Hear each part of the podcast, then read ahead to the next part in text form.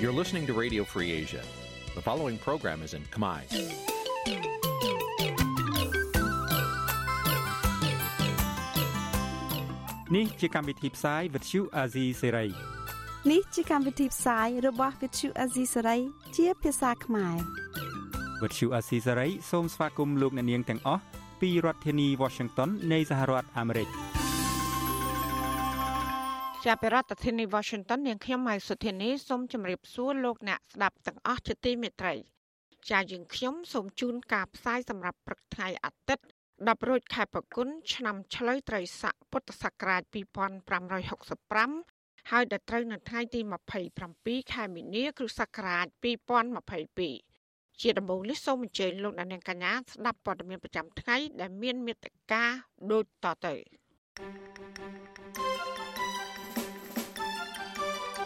សង្គមស៊ីវិលអំពាវនាវឲ្យការបរិច្ចាគថវិកាដល់កាកបាទក្រហមកម្ពុជា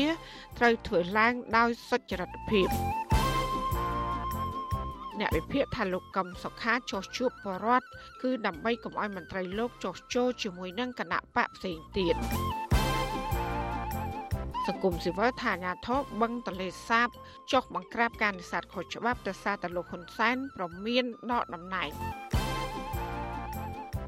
សមត្ថកិច្ចរារាំងអ្នកសារព័ត៌មានឯករាជ្យមិនឲ្យចូលក្លំមើលក្រុមគឧតកោ Nagawal ដែលទទួលរងអំពើហិង្សារួមនឹងព័ត៌មានផ្សេងផ្សេងមួយចំនួនទៀតចាត់ជាបន្តទៅទៀតនេះនាងខ្ញុំម៉ៃសុធានីសូមជូនព័ត៌មានទាំងនោះពឺស្ដាប់លោកនាងជាទីមេត្រីមន្ត្រីសង្គមស៊ីវិលជំរុញរដ្ឋាភិបាល បង្កើតច្បាប់ស្តីពីហិរញ្ញវត្ថុនយោបាយដើម្បីបង្ហាញពីសុចរិតភាព និងដំណាភាពនៅក្នុងសង្គមដើម្បីជៀសវាងទំនាស់ផលប្រយោជន៍ដែលកើតចេញ អំពីការផ្ដាល់ជំនួយមិនត្រឹមត្រូវការលើកឡើងនេះគឺនៅបន្ទាប់ពីកាកបាទក្រហមកម្ពុជាអំពាវនាវដល់សប្បុរសជនឲ្យចូលរួមវិភាគទាននៅក្នុងខួបលើកទី159 នៃទិវាពិភពលោកកាកបាទក្រហម និងអដ្ឋច័ន្ទក្រហម ដើម្បីយកថវិកាជួយដល់ជនរងគ្រោះចាប់ពីរដ្ឋធានី Washington អ្នកស្រីខែសំណងរាយការណ៍ព័ត៌មាននេះមន្ត្រីសង្គមស៊ីវិលចង់ឃើញការផ្ដល់ជំនួយមនុស្សធម៌ទៅកាន់កាកបាទក្រហមកម្ពុជា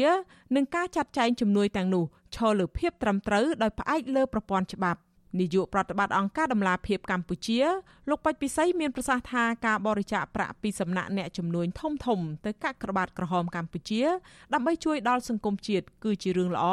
ប្រសិនបើយន្តការមនុស្សធម៌នោះធានានៅសុចរិតនិងធ្វើឡើងដោយទឹកចិត្តសប្បុរសលោកបន្តថាការបែងចែកជំនួយរបស់សប្បុរសជនទាំងនោះត្រូវតែធ្វើឡើងដោយសុចរិតដំណាភាពនិងគណនេយ្យភាព គឺបានទៅដល់ក្រុមជនងាយរងគ្រោះដែលត្រូវការជំនួយពិតប្រាកដដោយមិនរើសអើងនិន្នាការជាដើមមន្ត្រីសង្គមស៊ីវិលរូបនេះជំរុញរដ្ឋាភិបាលបង្កើតច្បាប់ស្តីពីហិរញ្ញវត្ថុនយោបាយដើម្បីបង្ហាញពីសុចរិតភាព និងដំណាភាពនៅក្នុងសង្គមដោយជៀសវាងទំនាស់ផលប្រយោជន៍ដែលកើតចេញអំពីការផ្ដល់ជំនួយទាំងនោះ។ ការបែងចែកជំនួយសប្បុរសធម៌ទាំងនោះគឺត្រូវធ្វើឡើងដោយតម្លាភាពហើយជាពិសេសគឺការប្រើប្រាស់ថវិកាហ្នឹងឲ្យត្រូវចំគោលដៅអតិភិបហើយនឹងក្រមងាយរងគ្រោះដែលត្រូវការជំនួយឧបត្ថម្ភនោះពិតប្រាកដដោយមិនមាននិន្នាការឬក៏ការរើសអើងតំណាងសហគមន៍ដីធ្លី843នៅខេត្តកោះកុងដែលមានចំនួនដីធ្លីជាមួយក្រុមហ៊ុនស្កអំពៅរបស់អង្គការលីយ៉ុងផាត់ គឺលោកឈឹមសផានរៀបរាប់ថាបញ្ហាដីធ្លីបានធ្វើឲ្យជីវភាពរបស់ប្រជាពលរដ្ឋនៅក្នុងសហគមន៍ទទួលរងនៅទុក្ខលំបាកវេទនាដោយសារតែអាជ្ញាធរនិងកាកក្របាតក្រហមមិនដែលបានយកចិត្តទុកដាក់ផ្ដល់ជំនួយឧបត្ថម្ភឬបានក្រីក្រនោះទេលោកបន្តថាអាជ្ញាធរមូលដ្ឋានតែងតែចាត់ទុកប្រជាពលរដ្ឋនៅក្នុងសហគមន៍ថាជាក្រុមប្រឆាំងមិនអើពើអំពីទុក្ខលំបាករបស់ប្រជាពលរដ្ឋក្រីក្រទាំងនេះ។ តំណាងសហគមន៍រូបនេះស្នើឲ្យស្ថាប័នមនុស្សធម៌កាកបាទក្រហមកម្ពុជា ជួយផ្ដល់អំណោយដល់ប្រជាពលរដ្ឋក្រីក្រ និងបញ្ឈប់ការរើសអើងដោយសារតែសកម្មភាពតវ៉ាទាមទារដីធ្លីរបស់ពួកគាត់តទៅទៀតអ្នកដែលរងគ្រោះដីធ្លីគឺវាមិនចែកឲ្យហ្មងយកជាក់ស្ដែងប៉ាត់ហ្មងឃើញថាគាត់លំបាកមែនតើរាល់ថ្ងៃនេះគាត់បំផុតឲ្យគុំកណ្ដោគាត់ទៅថាកោឲ្យរើសអើងវាមកសុំបានតែក្រីក្រអ្នកចាស់អ្នកដែលក្រីក្របានបានបានទេតែអ្នកមានចាស់មកមានបានមួយចំនួនជាក់ស្ដែងហ៊ាននិយាយឲ្យចាក់ផ្សាយសម្លេងខ្ញុំឲ្យយុទ្ធសាស្ត្របញ្ហាកម្មវិធីសង្គមវាអាចយកឆោតតាមមែនតើហ្នឹងប្រតិកម្មរបស់អង្គការសង្គមស៊ីវិលនិងតំណាងសហគមន៍មានចំនួនដីធ្លីនេះកើតមានឡើងក្រោយពីកាកបាទក្រហមកម្ពុជាដែលស្ថិតក្រោមការគ្រប់គ្រងរបស់អ្នកស្រីប៊ុនរ៉ានីហ៊ុនសែនភរិយារបស់លោកនាយករដ្ឋមន្ត្រីហ៊ុនសែនចាប់ផ្ដើមអំពាវនាវដល់សប្បុរសជនឲ្យបរិច្ចាគថវិកាដល់ស្ថាប័ននេះដើម្បីជួយដល់ជនរងគ្រោះ។ ក្រោយការអំពាវនាវនេះមន្ត្រីក្រាក់ក្រាក់មួយចំនួននឹងក្រុមឈ្មួញដែលស្និទ្ធនឹងរដ្ឋាភិបាលលោកហ៊ុនសែននាំគ្នាប្រកាសបរិច្ចាគថវិកាចាប់ពីរាប់ពាន់រាប់ម៉ឺនដុល្លាររហូតដល់រាប់លានដុល្លារក៏មានឆ្លើយតបរឿងនេះអគ្គលេខាធិការរងទី1នឹងជាអ្នកនាំពាក្យកាកបាទក្រហមកម្ពុជា អ្នកស្រីម៉ែននារីសោភ័ក្រថ្លែងថាថវិកាដែលកាកបាទក្រហមកម្ពុជារៃអង្គាសបានត្រូវយកទៅជួយដល់ពលរដ្ឋក្រីក្រកសាងផ្ទះអណ្ដូងទឹក សាលារៀននិងផ្ដល់ប្រាក់កម្ចីដល់ប្រជាពលរដ្ឋក្រីក្រដែលនៅតំបន់ទីជនបទដោយមិនប្រកាន់និន្នាការនោះទេ ថារាជរដ្ឋាភិបាលលោកបានដោះស្រាយទៅតាមបានសមត្ថធម៌ក៏ទៅតាមប្រភេទក្រីក្រ1ក្រីក្រ2ហើយយើងបំពេញបង្គ្រប់ពេញបង្គ្រប់គាត់ថាចង់អ្នកណាខ្ចោបជូបខ្ចោបកន្ត្រែកយើងដាក់ជូនទៅគាត់ភ្លាមចាហើយបើថាឲ្យទទួលថា100%ត្រូវតែបានទាំងអស់គ្នាបានន័យថាយើងក៏មិនអាចបានទៅឈានដល់ចំណង100%ហើយបើសិនជានិយាយពីអត់ទៅសួរគ្រប់ផ្ទះអ្នកណាក៏ឆ្លើយថាអត់ដែរ តកតងទៅនឹងការបរិច្ចាគនេះដែរអ្នកនាំពាក្យគណៈបកកាន់អំណាចលោកសុកអេសានថ្លែងថាថាវិការនិងសម្ភារៈដែលមន្ត្រីរដ្ឋាភិបាលអុកញ៉ានិងមន្ត្រីរាជការបរិច្ចាគដល់កាកបាទក្រហមកម្ពុជា សម្រាប់ជួយដល់ជនរងគ្រោះកន្លងទៅគឺកើតចេញពីស្មារតីភ្ញាក់រលឹកនិងទឹកចិត្តសប្បុរសហើយរដ្ឋាភិបាលមិនមានការណែនាំអ្វីនោះទេលោកអះអាងថាការចូលវិភាគទានទាំងនោះក៏មិនមែនជាជំនួយសម្រាប់ទួនាទីឬអតិពលដើម្បីដោះដូរផលប្រយោជន៍និងការប្រព្រឹត្តអំពើខុសច្បាប់អ្វីដែរអុកញ៉ាណាក៏ដោយគាត់គាត់ជួយ3លាន2លាន1លាន5សែនឬ10000ដុល្លារអីអាហ្នឹងជាគុណសម្បត្តិរបស់គាត់ក៏ប៉ុន្តែបើគាត់ថ្ងៃក្រោយទៅមិនមែនគាត់យកគុណសម្បត្តិទៅចុះកាក្រមឯងគាត់ ច្រើនបាទវាស្ថិតនៅក្រោមគោលការណ៍ច្បាប់ទាំងអស់បើថាធ្វើខុសច្បាប់អានឹងគាត់ត្រូវទទួលខុសត្រូវចំពោះមុខច្បាប់អត់មានរួចខ្លួនដោយសារយកលុយយកទៅជួយការកបានក្រហមហើយរកស៊ីទុច្ចរិតដើម្បីយកអានឹងមកធ្វើជាដើមទុនទេអត់ទេ ទោះយ៉ាងណានាយកប្រតិបត្តិអង្គការសម្ព័ន្ធគណនេយ្យភាពសង្គមកម្ពុជាលោកសនជ័យថ្លែងថារហូតមកដល់ពេលនេះពុំទាន់មានការសិក្សានិងវិតម្លៃណាមួយអំពីការងាររបស់ស្ថាប័នមនុស្សធម៌ជំវិញការឆ្លើយតបទៅនឹងអេរយាប័តនៃការគ្រប់គ្រង និងចាត់ចែងវិភាគទានរបស់សប្បុរសជន ដោយត្រឹមត្រូវនៅឡើយទេដល់ពេលនេះយើងចង់ឃើញមានប្រព័ន្ធនៃការផ្ដល់មតិយោបល់ត្រឡប់មួយមកកាន់អង្គការសប្បុរសធម៌ដូចជាការក្បាត់ក្រហមហ្នឹង ធ្វើឲ្យមានបរិយាកាសនៃការលើកឡើងជាមតិយោបល់ជាសំណូមពរមិនដើម្បីឲ្យកាកបាទក្រមនឹងដឹងពីគេហៅថាស្ថានភាពឬក៏ការផ្ដល់សេវារបស់ខ្លួនវិធីនេះគឺជាគេហៅថាជាការចូលរួមក្នុងនៃស្ថាបនាមួយដើម្បីឲ្យស្ថាប័ននេះកាន់តែផ្ដល់សេវាឬក៏ឆ្លើយតបជាមួយក្រុមគោលដៅមានប្រសិទ្ធភាពបន្ថែមទៀតកាលពីឆ្នាំ2020កាកបាទក្រហមកម្ពុជាទទួលបានថវិកាពីសប្បុរសជនជាង10លានដុល្លារអាមេរិក ភាគច្រើនជាជំនួយរកស៊ីធំធំ នៅកម្ពុជា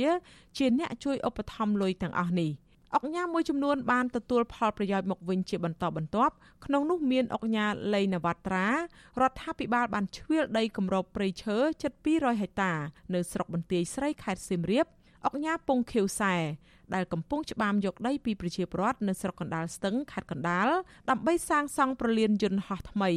និងអុកញ៉ាខុនសៀកំពុងលុបទន្លេមេគង្គនិងកោះចាប់ពីចំណុចឃុំអរិយខ្សាត់រហូតដល់លវាអែមនិងស្រុកគៀនស្វាយខេត្តកណ្ដាលលើសពីនេះមានអ្នកចំនួនខ្លះជាប់ឈ្មោះក្នុងបញ្ជីរកស៊ីទុច្ចរិត ដូចជាការបំផ្លាញព្រៃឈើនិងរំលោភបំពានយកដីពីប្រជាពលរដ្ឋដែលមានឈ្មោះនៅក្នុងបញ្ជីខ្មៅរបស់សហរដ្ឋអាមេរិកឬក្នុងបញ្ជីនៃអង្គការអន្តរជាតិដូចជាលោកទ្រីភិបនិងលោកលីយ៉ុងផាត់ជាដើម ឈ្មោះមានឈ្មោះនៅក្នុងបញ្ជីខ្មៅទាំងនេះតែងតែឧបត្ថម្ភលុយដល់រដ្ឋាភិបាលតាមការអំពាវនាវហើយជាញឹកញាប់ពួកគេទទួលបានផលប្រយោជន៍ពីរដ្ឋាភិបាលមកវិញក្នុងរូបភាពផ្សេងផ្សេងដែលករណីនេះត្រូវបានអ្នកជំនាញវិយតម្លៃថាជាអំពើពុករលួយផ្នែកនយោបាយចា៎នាងខ្ញុំខែសុណងវັດឈូអាស៊ីសេរីរាយការណ៍ពីរដ្ឋធានី Washington លោកដានៀងកញ្ញាកំពុងស្ដាប់ការផ្សាយរបស់វិទ្យុអសីស្រីផ្សាយចេញពីរដ្ឋធានី Washington អ្នកធ្វើការងារផ្នែកប្រព័ន្ធផ្សព្វផ្សាយនិងអ្នកសារព័ត៌មានឯករាជ្យថាមន្ត្រីរដ្ឋាភិបាលនៅតែបន្តប្រកាន់និន្នាការលើអ្នកកាសែតបើទោះបីជារដ្ឋមន្ត្រីក្រសួងព័ត៌មានជំរុញឲ្យមន្ត្រីរាជការកុំយកអ្នកកាសែតធ្វើជាសត្រូវក៏ដោយតើអ្នកសារព័ត៌មានឯករាជ្យជួបបញ្ហាអ្វីខ្លះសូមលោកអ្នកនាងកញ្ញារងចាំស្ដាប់សេចក្តីរាយការណ៍ពុស្ដាអំពីរឿងនេះនាពេលបន្តិចទៀតនេះ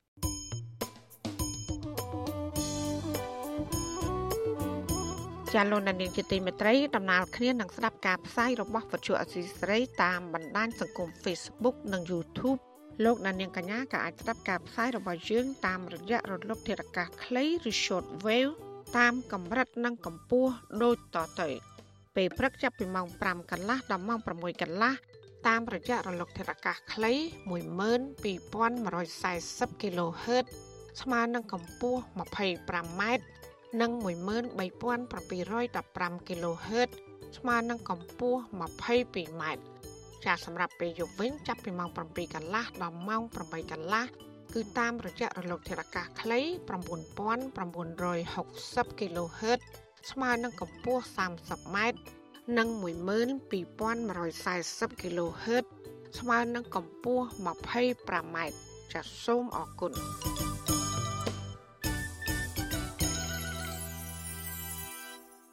ចាលោកអ្នកស្ដាប់ជាទីមេត្រីអ្នកនាំពាក្យគណៈបកកណ្ដាលអំណាចប្រមានមេបកប្រឆាំងលោកកឹមសុខាថាមិនត្រូវធ្វើសកម្មភាព ដែលដើរហួសបន្ទាត់ក្រហមរបស់តុលាការនោះឡើយការប្រមាននេះធ្វើឡើងខណៈដែលលោកកឹមសុខា កំពុងមមាញឹកជួបអ្នកគាំទ្ររាប់រយនាក់នៅតាមបណ្ដាខេត្តនានាចានេះគឺជាសកម្មភាពរបស់លោកយុនសមៀនពីរដ្ឋធានី Washington ការបោះឆ្នោតជ្រើសរើសក្រុមប្រឹក្សាគុំសង្កាត់នឹងប្រព្រឹត្តឡើងនៅថ្ងៃទី5ខែមិថុនាខាងមុខប៉ុន្តែលោកកំសខាប្រធានគណៈបកសង្គ្រោះជាតិនៅមិនទាន់មានសិទ្ធិធ្វើនយោបាយឡើងវិញនៅឡើយទេទោះបីជាយ៉ាងណាលោកបានស្កាត់ជួបអ្នកគាំទ្ររបស់ខ្លួន តាមខេត្តជាប់បឹងទន្លេសាបនិងខេត្តមួយចំនួនទៀតពលរដ្ឋរាប់សិបនាក់បានជួបស្វាគមន៍លោកកឹមសុខាពេលលោកចុះតាមខេត្តជាប់បឹងទន្លេសាបរួមមានខេត្តកំពង់ឆ្នាំងកំពង់ធំពោធិ៍សាត់បាត់ដំបងបន្ទាយមានជ័យនិងខេត្តសៀមរាបជាដើម មន្ត្រីគណៈបកប្រឆាំងដែលស្និទ្ធនឹងលោកកឹមសុខាគឺលោកសួនរីដាឲ្យដឹងតាម Facebook ថាក្រមពលរដ្ឋចង់ដឹងសុខទុក្ខនិងចង់ដឹងនៅព័ត៌មានមួយចំនួនរបស់លោកកឹមសុខាលោកថាលោកកឹមសុខាមានចំហច្បាស់លាស់រឹងមាំក្រាញននៀលលើសមរភូមិជាក់ស្ដែងទើបពលរដ្ឋខ្មែរគ្រប់ច្រកលហកនៅគាំទ្រនិងស្កាត់មកជួបនៅពេលដឹងថាលោកកឹមសុខាធ្វើដំណើរឆ្លងកាត់ខេត្តរបស់ពួកគេ ជុំវិញសកម្មភាពលោកកឹមសុខាជួបអ្នកគាំទ្រខ្លួននៅពេលនេះដែរមន្ត្រីគណៈបកកណ្ដាលអំណាចរំលឹកថាលោកកឹមសុខាមិនត្រូវធ្វើសកម្មភាពដែលតឡាការហាមឃាត់អ្នកនាំពាក្យគណៈបកប្រជាជនកម្ពុជាលោកសុកអេសានប្រមានលោកកឹមសុខាថាលោកមិនត្រូវធ្វើសកម្មភាពទាំងឡាយណាដើរហួសបន្ទាត់ក្រហមរបស់តុលាការទេអានេះជារឿងមនោចេតនារបស់គាត់ ជួបមហាជនប្រជាជនហើយជាពិសេសអ្នកដែលធ្លាប់គ្រប់គ្រងគាត់អានឹងជារឿងគាត់ក៏ប៉ុន្តែកុំឲ្យហូបបន្ទាន់ក្រហមតែតឡាការបានកំណត់ជូនគាត់ជុំវិញការប្រមាននេះវិទ្យុអាស៊ីសេរីមិនអាចសុំការឆ្លើយតបពីក្រុមមេធាវីការពីក្តីលោកកម្មសខាបានទេនៅថ្ងៃទី26ខែមីនានេះ ពាក់ព័ន្ធនឹងករណីលោកកឹមសុខានេះដែរលោកបានស្នើសុំតុលាការចេញទៅប្រជុំនៅទីក្រុងបែកឡាំងប្រទេសអាល្លឺម៉ង់ប៉ុន្តែតុលាការមិនអនុញ្ញាតឡើយហើយតម្រូវឲ្យលោកប្រជុំតាមអនឡាញវិញតុលាការបានព្យាយាមបញ្ចុះបញ្ចូលលោកកឹមសុខាឲ្យសារភាពទាំងលោកគ្មានកំហុសដើម្បីបញ្ចប់ក្តីនៅតុលាការឲ្យបានឆាប់អ្នកវិភាគនិងមន្ត្រីគណៈបកប្រឆាំងផ្សេងទៀតប្រមានថាប្រសិនបើលោកកឹមសុខាសារភាព មានន័យថាលោកកឹមសុខានឹងធ្វើអត្តឃាតនយោបាយ។ អ្នកជំនាញផ្នែកវិទ្យាសាស្ត្រនយោបាយនិងកិច្ចការអន្តរជាតិលោកអែមសវណ្ណារាយល់ថាអ្វីដែលមន្ត្រីគណៈបកកណ្ដាលអំណាចថ្លែងដូចនេះគ្រាន់តែចង់បញ្ជាក់ថាគេដឹងពីការធ្វើសកម្មភាពរបស់លោកកឹមសុខាលោកថាប្រសិនបើគណៈបកកណ្ដាលអំណាចចង់ចោទប្រកាន់លោកកឹមសុខាគឺមិនខ្វះករណីចោទប្រកាន់នោះទេក្នុងនោះសកម្មភាពលោកកឹមសុខាចែកអំណោយនិងចោះជួបពលរដ្ឋក៏គេអាចចោទប្រកាន់ថានេះជាសកម្មភាពនយោបាយបានដែរ អ្នកឃ្លាំមើលរូបនេះយល់ថាការធ្វើសកម្មភាពរបស់លោកកឹមសុខាព្រោះលោកចង់ទប់ស្កាត់មិនឲ្យអ្នកគាំទ្រខ្លួនចាក់ចេញទៅចូលរួមធ្វើសកម្មភាពនយោបាយជាមួយគណៈបកផ្សេងព្រោះពេលនេះមន្ត្រីជាន់ខ្ពស់របស់លោកកឹមសុខាបានចេញពីលោកស្ទើរអស់ទៅហើយទៅបង្កើតគណៈបកថ្មី បាទខ្ញុំថាបើគេចង់ចាប់ប្រកាន់គេចង់ចាប់គេដាក់បន្ទុកគេដាក់បានហើយពីព្រោះថាគាត់ទៅក្រៅគេមិនអោយទៅតែពេលគេអោយប្រជុំអនឡាញគេអោយអាហ្នឹងមិនអីខុសគ្នាណាគាត់តែមួយទៅផ្ទាល់មួយនៅប្រយោលបាទព្រោះពួកគាត់ត្រូវត្រូវនៅក្នុងបំរាមនយោបាយមិនអោយធ្វើនយោបាយហើយកាលណាគាត់ធ្វើសកម្មភាពជួបជួបសកម្មភាពសកម្មជនគ្រប់គ្រងគឺវាធ្វើនយោបាយហើយវាខុសបំរាមហើយ មកទល់ពេលនេះមានគណៈបកនយោបាយជាង10បានចុះឈ្មោះចូលរួមការបោះឆ្នោតឃុំសង្កាត់នៅពេលខាងមុខគណៈបកនាំមុខគេនៅពេលនេះមានគណៈបកកណ្ដាលអំណាចនិងគណៈបកភ្លើងទៀនមន្ត្រីគណៈបកភ្លើងទៀនភាគច្រើនជាអតីតសមាជិកគណៈបកសង្គ្រោះជាតិពួកគេថាគណៈបកភ្លើងទៀនមានគោលនយោបាយស្រដៀងទៅនឹងគណៈបកសង្គ្រោះជាតិទើបពួកគេបានចូលរួមធ្វើនយោបាយជាមួយវិញការកើនឡើងប្រជាប្រិយភាពគណៈបកភ្លើងទៀននេះបានធ្វើឲ្យគណៈបកកណ្ដាលអំណាចព្រួយបារម្ភ លោកហ៊ុនសែនកាលពីថ្ងៃទី25មីនាប្រកាសថាលោកនឹងចូលឈ្មោះជាបេក្ខជននាយករដ្ឋមន្ត្រី នៅឆ្នាំ2023វិញមិនអោយកូនប្រុសរបស់លោកគឺលោកហ៊ុនម៉ាណែតយកតំណែងនេះនៅឡើយទេ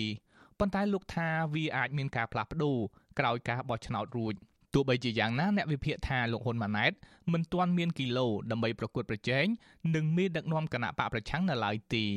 ខ្ញុំយុនសាមៀនវិទ្យុអាស៊ីសេរីប្រធានាធិបតី Washington ចាលោកនាយកទីមេត្រីតទៅនឹងការបោះឆ្នោតជ្រើសរើសក្រុមប្រឹក្សាឃុំសង្កាត់អាណត្តិទី5ខាងមុខនេះថាតើមានព្រឹត្តិការណ៍សំខាន់សំខាន់អ្វីខ្លះដែលកើតឡើងក្នុងសប្តាហ៍កន្លងមកនេះចាលោកនាងនឹងបានស្ដាប់សេចក្តីរាយការណ៍សង្ខេបជុំវិញរឿងនេះនាពេលបន្តិចទៀតនេះចាសសូមអរគុណ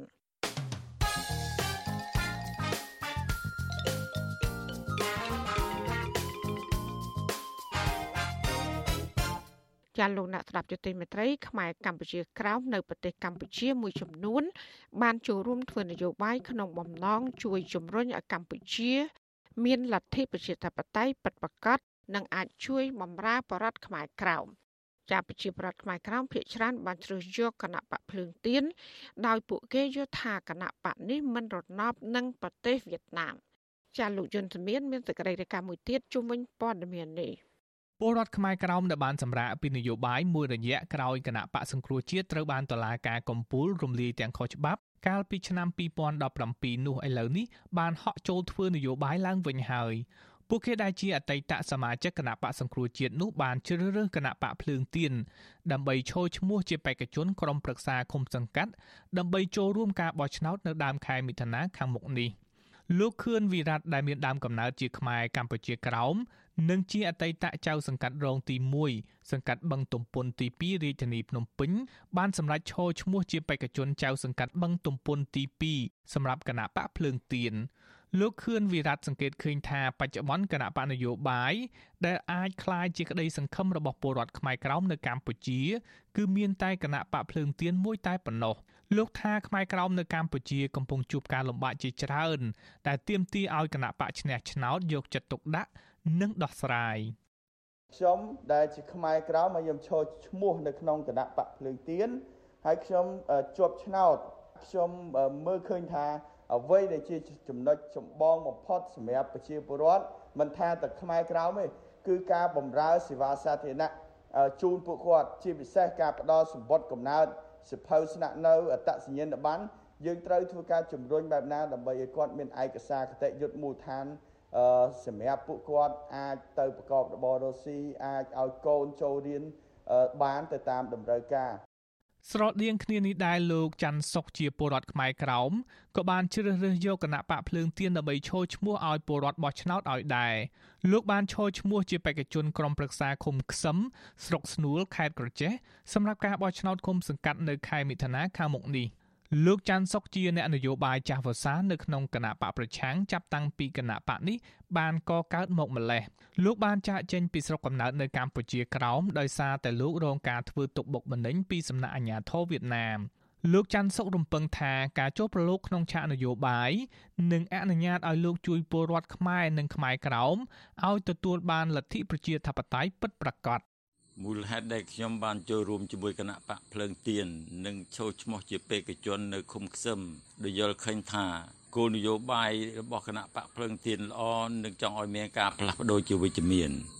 លើកស្ទួយលទ្ធិប្រជាធិបតេយ្យនិងការគោរពសិទ្ធិមនុស្សបាទអំពើពុករលួយនិងភាពអយុត្តិធម៌ក្នុងសង្គម។ចង់ជួយការពារបងប្អូនខ្មែរកម្ពុជាក្រមដែលមករស់នៅកម្ពុជាពិសេសនៅឃុំខ្សឹមពួកគាត់មានលិខិតស្នាមផ្សេងផ្សេង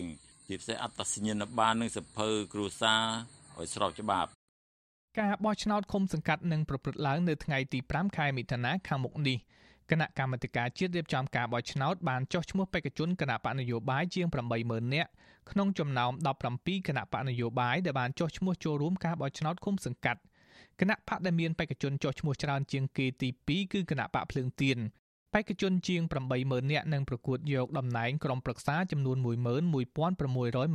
អាសនៈសម្រាប់1652ឃុំសង្កាត់គណៈបកភ្លើងទៀនដែលកំពុងមានប្រជាប្រិយភាពនិងជាដៃគូប្រកួតរបស់គណៈបកកណ្ដាលអំណាចកំពុងប្រឈមនឹងការគំរាមកំហែងឥតឈប់ឈរ បច្ចុប្បន្នក្រសួងមហាផ្ទៃកំពុងពិនិត្យស្វែងរកភស្តុតាងភ្ជាប់គណៈបកភ្លើងទៀននេះទៅនឹងប្រធានស្ដីទីគណៈបកសង្គ្រោះជាតិលោកសំរងស៊ីក្នុងបំណងដើម្បីរំលាយគណៈបកនេះចោលពាក់ព័ន្ធទៅនឹងការចូលរួមធ្វើនយោបាយរបស់ពលរដ្ឋខ្មែរក្រោមនេះដែរអតីតចៅសង្កាត់ប៉ោយប៉ែតនិងជាពលរដ្ឋខ្មែរក្រោមលោកចៅវាសនា ដែលទើបរួចជាប់ពីពន្ធនាគារអស់រយៈពេល5ឆ្នាំ ដោយសារតែទស្សនយោបាយនោះឲ្យដឹងថាលោកមិនឈរឈ្មោះក្នុងការបោះឆ្នោតឃុំសង្កាត់នោះទេប៉ុន្តែលោកកំពុងធ្វើយុទ្ធនាការជួយបង្រៀនសមាជិកនិងបេក្ខជនគណៈបកភ្លើងទៀនឲ្យចេះស្វែងរកការគ្រប់គ្រងដើម្បីឈ្នះការបោះឆ្នោតឃុំសង្កាត់ខ្ញុំពង្រឹងពួកគាត់ឲ្យធ្វើអំពើល្អពង្រឹងពួកគាត់ឲ្យចេះធ្វើដូចខ្ញុំឲ្យពួកគាត់ចេះស្វែងរកសម្លេងដូចខ្ញុំឲ្យពួកគាត់កុំមានការតក់ស្លុតភ័យខ្លាចដូចខ្ញុំ ណាខ្ញុំចង់ឲ្យឃើញទីមួយដែលមានគណៈបពប្រឆាំងហើយអត់មានខ្លាចអត់មានចេះតែឃើញទៅណាឃើញគេបន្តិចខ្លាចឃើញគេបន្តិចគេចាប់ដាក់គុកតិចភ័យអីចឹងណាខ្ញុំចង់ឲ្យតស៊ូដូចខ្ញុំខ្ញុំចង់យើងដោយសារអីយើងហ៊ានជាប់គុក5ឆ្នាំដោយមិនលូកក្បាលមិនលូកឧត្តមប្រទេសចឹងយើងត្រូវតែដឹកនាំពួកគាត់បាន លោកចៅវាសនាក៏ដូចជាខ្មែរក្រោមផ្សេងទៀតដែរបានចេញពីស្រុកកំណើតនៅខេត្តព្រះត្រពាំងកាលពីឆ្នាំ1989ដោយសារតែការធ្វើទុកបុកម្នេញពីសំណាក់រដ្ឋាភិបាលវៀតណាមលោកត្រូវបានវៀតណាមចោទប្រកាន់រឿងបង្រៀនអក្សរនិងប្រវត្តិសាស្ត្រខ្មែរដល់ព្រះសង្ឃនិងពលរដ្ឋខ្មែរក្រោមវាហាក់មិនចម្លែកប៉ុន្មាននោះទេដែលខ្មែរក្រោមមួយចំនួនគ្រប់គ្រងគណៈបកភ្លើងទៀនលោកថាច់សេដ្ឋាអនុប្រធានគណៈបកភ្លើងទៀនក៏ជាខ្មែរក្រោមម្នាក់ដែរលោកធ្លាប់លើកទឹកចិត្តឲ្យខ្មែរក្រោមចូលរួមធ្វើនយោបាយនិងគ្រប់គ្រងគណៈបកណាដែលគិតពីផលប្រយោជន៍ខ្មែរពិតប្រាកដមិនថាខ្មែរនោះរស់នៅទីកន្លែងណាក៏ដោយហើយគណៈបកនោះក៏មិនត្រូវជាប់ជំពាក់គុណបរទេសដែរបច្ចុប្បន្នខ្មែរក្រោមប្រមាណ1លាននាក់កំពុងរស់នៅលើទឹកដីកម្ពុជា អង្គការសង្គមស៊ីវិលដែលធ្វើការងារនឹងពលរដ្ឋខ្មែរក្រោមប្រមាណថាយ៉ាងហោចណាស់ក៏មានខ្មែរក្រោមប្រមាណ1សែននាក់កំពុងចូលរួមធ្វើនយោបាយនៅកម្ពុជាខ្ញុំយុនសាមៀនវិទ្យុអាស៊ីសេរីប្រធានាធិបតី Washington ចាលោកនាងកញ្ញាអ្នកស្ដាប់ជាទីមេត្រីអាញាធរខេត្តនៅជាប់បឹងទលេសាបបានចុះបង្ក្រាបបាត់ល្មើសនេសាទត្រីខុសច្បាប់នៅលើផ្ទៃបឹងទលេសាបព្រមព្រមគ្នា ក្រោយពីមានការស្ដីបន្ទោសចំចំពីរឿងអសកម្មនិងការប្រមានដកទូនីតិពីសំណាក់លោកនាយករដ្ឋមន្ត្រីហ៊ុនសែនជាមន្ត្រីសង្គមស៊ីវិលមើលឃើញថាអាញាធរពពាន់គ្មានឆន្ទៈបង្ក្រាបពិតប្រាកដនោះទេគឺគ្រាន់តែធ្វើតាមបញ្ជាមួយរយៈពេលខ្លីតែប៉ុណ្ណោះចាសសូមស្ដាប់សេចក្តីរាយការណ៍របស់លោកជាតិចំណានអញ្ញាធរតាមបណ្ដាខេត្តជាប់បឹងទន្លេសាបហាក់ស្ទុះស្ទាលឡើងវិញក្នុងការចុះបង្ក្រាបបទល្មើសនេសាទ ក្រោយពីមានបញ្ជាផ្ទាល់ពីមាត់របស់លោកនាយរដ្ឋមន្ត្រីហ៊ុនសែនអភិបាលខេត្តកំពង់ឆ្នាំងលោកសុនសវណ្ណរិទ្ធប្រាប់វិទ្យុស៊ីស្រីនៅថ្ងៃទី25ខែមីនាថាអាញាធរបានឃាត់ខ្លួនមនុស្សមួយចំនួនពាក់ព័ន្ធនឹងបទល្មើសនេសាទនិងកសាងសំណុំរឿងបញ្ជូនទៅតុលាការលោកអះអាងថាការបង្ក្រាបបទល្មើសមិនមែនទៅតែមានបញ្ជាពីលោកនាយករដ្ឋមន្ត្រីនោះទេតែយ៉ាងណាលោកថាអាញាធរខេត្តកំពង់ឆ្នាំងនឹងប្រឹងប្រែងដោះស្រាយបញ្ហាទាំងនោះឲ្យបានល្អនិងមានប្រសិទ្ធភាព ប៉ុន្តែអ្វីដែលយើងត្រូវតែគិតគូរគឺយើងយកមេកន្ទ្រៀងធំធំតែជាបទល្មើសដែលធ្វើឲ្យបំផ្លិចបំផ្លាញខ្លាំងខ្លាំងហើយយើងបានវិធានការរបស់យើងយើងបានតពីបានទទួលអនុសាសន៍ដល់ពុកពីស្ដេចយើងបានចាត់វិធានការបាទទី1ទាំងផ្លូវមានថាយើងធ្វើអូយើងនេះហើយទី2យើងធ្វើផ្លូវចារកម្មគឺថាយើងទៅដល់ផ្ទះក្នុងផ្ទះគាត់ទៀតដើម្បីរឹបអូសសម្ភារៈដែលមានហ្នឹងណា ហើយឥឡូវសម្ភារៈទាំងអស់ហ្នឹងដែលយើងបានរឹបអូសយកមកយើងបានដាក់នៅក្នុងឃ្លាំងហើយយើងរៀបចំនឹងកម្មវិធីមួយដើម្បីកំទេចឬក៏ទុកជាសារមន្ទីរចំណែកឯខេត្តបាត់ដំបងវិញនៃខណ្ឌរដ្ឋបាលជលផលខេត្តនេះលោកឈួងសុភាឲ្យដឹងថាមកដល់ឆ្នាំ2020នេះអាជ្ញាធរបានចុះបង្ក្រាបបទល្មើសនេសាទបានជាង30ករណីមកហើយនិងកំពុងអនុវត្តជាបន្តបន្ទាប់ទៀតលោកអះអាងថាបច្ចុប្បន្នបទល្មើសបានថយចុះ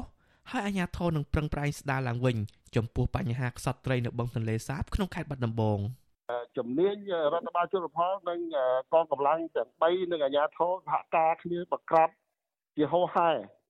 បាទហើយនឹងបានចាត់ការទៅតុលាការជាច្រើនករណីទៀតបាទ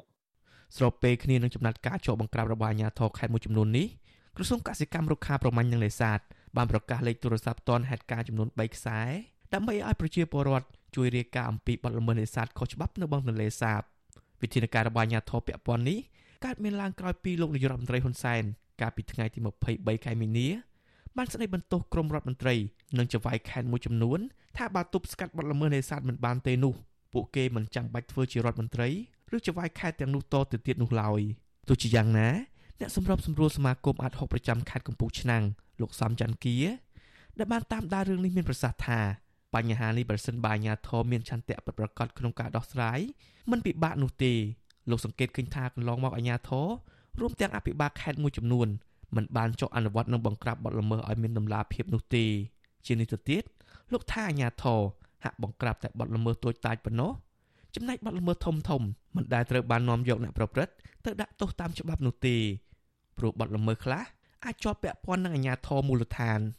នេះជាការត្រឹមត្រូវយើងមន្ត្រីត្រូវតែទទួលខុសត្រូវក្នុងស្រុងចំពោះការងារបទល្មើសនៅក្នុងដែនដីរបស់ខ្លួនយើងយើងសំខាន់គឺយើងធ្វើបានកម្រិតណាកម្រិតហ្នឹងក៏សំខាន់ក៏មកយើងមាន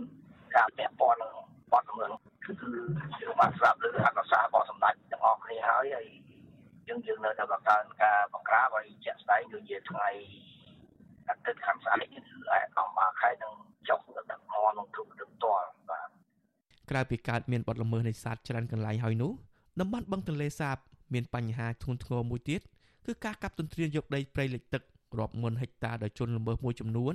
ដែលមានទូនាទីជាមន្ត្រីជាន់ខ្ពស់របស់រដ្ឋាភិបាលនិងមន្ត្រីជាន់ខ្ពស់ថ្នាក់ខេត្តសកម្មជនបរិស្ថាននិងអង្គការសង្គមស៊ីវិលមើលឃើញថាបទល្មើសនៅតាមបឹងទន្លេសាបទាំងការនេសាទខុសច្បាប់និងការកាប់ទន្ទ្រានដីព្រៃលិចទឹកនេះកើតចេញពីបញ្ហាអំពើពុករលួយ និងភាពទន់ខ្សោយនៃការអនុវត្តច្បាប់របស់អាជ្ញាធរពាក់ព័ន្ធ ខ្ញុំបានជាចំណាន Visual Assisray ពីរដ្ឋធានី Washington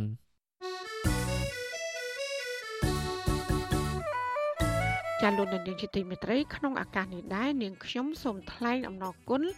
ដល់លោកនាងកញ្ញាដែលតែងតែមានភក្ដីភាពចំពោះការផ្សាយរបស់យើង ហើយចាត់ទុកការស្ដាប់វិទ្យុអសីស្រីជាផ្នែកមួយនៃសកម្មភាពប្រចាំថ្ងៃរបស់លោកអ្នក ចាការគ្រប់គ្រងរបស់លោកនាងនេះហើយដែលធ្វើយើងខ្ញុំមានទឹកចិត្តកាន់តែខ្លាំងបន្ថែមទៀតក្នុងការស្វែងរកនិងផ្តល់ព័ត៌មានសម្រាប់ជូនលោកនាងចាំមានអ្នកស្ដាប់និងអ្នកទស្សនាកាន់តែច្រើនកាន់តែធ្វើឲ្យយើងខ្ញុំមានភាពស្វាហាប់មោះមុតជាបន្តទៀតចាយើងខ្ញុំសូមអរគុណទុកជាមុន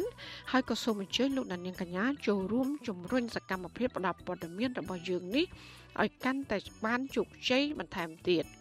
ចាលោកណានៀងអាចជួយយើងខ្ញុំបានដោយគ្រាន់តែចុចចែករំលែកឬ share ការផ្សាយរបស់យើងខ្ញុំនៅលើបណ្ដាញសង្គម Facebook និង YouTube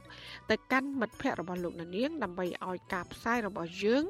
បានទៅដល់មនុស្សកាន់តែច្រើនចាសសូមអរគុណលោកដានៀងជាទីមេត្រីដែលឡាយតាក់ទងនឹងក្រុមគុតកោ Nagawal វិញកម្លាំងអាជ្ញាធរក្រុងភ្នំពេញបានបន្តប្រាំអំពើហិង្សាលើក្រុមគុតកោ ប្រមាណជាជាង100នាក់ដោយបង្ខំឲ្យពួកគេឡើងរថយន្តរួចដឹកយកទៅទម្លាក់នៅតំបន់ដាច់ស្រយាលជ័យក្រុងភ្នំពេញអាជ្ញាធរក៏បានបិទផ្លូវគ្រប់ច្រកល្ហក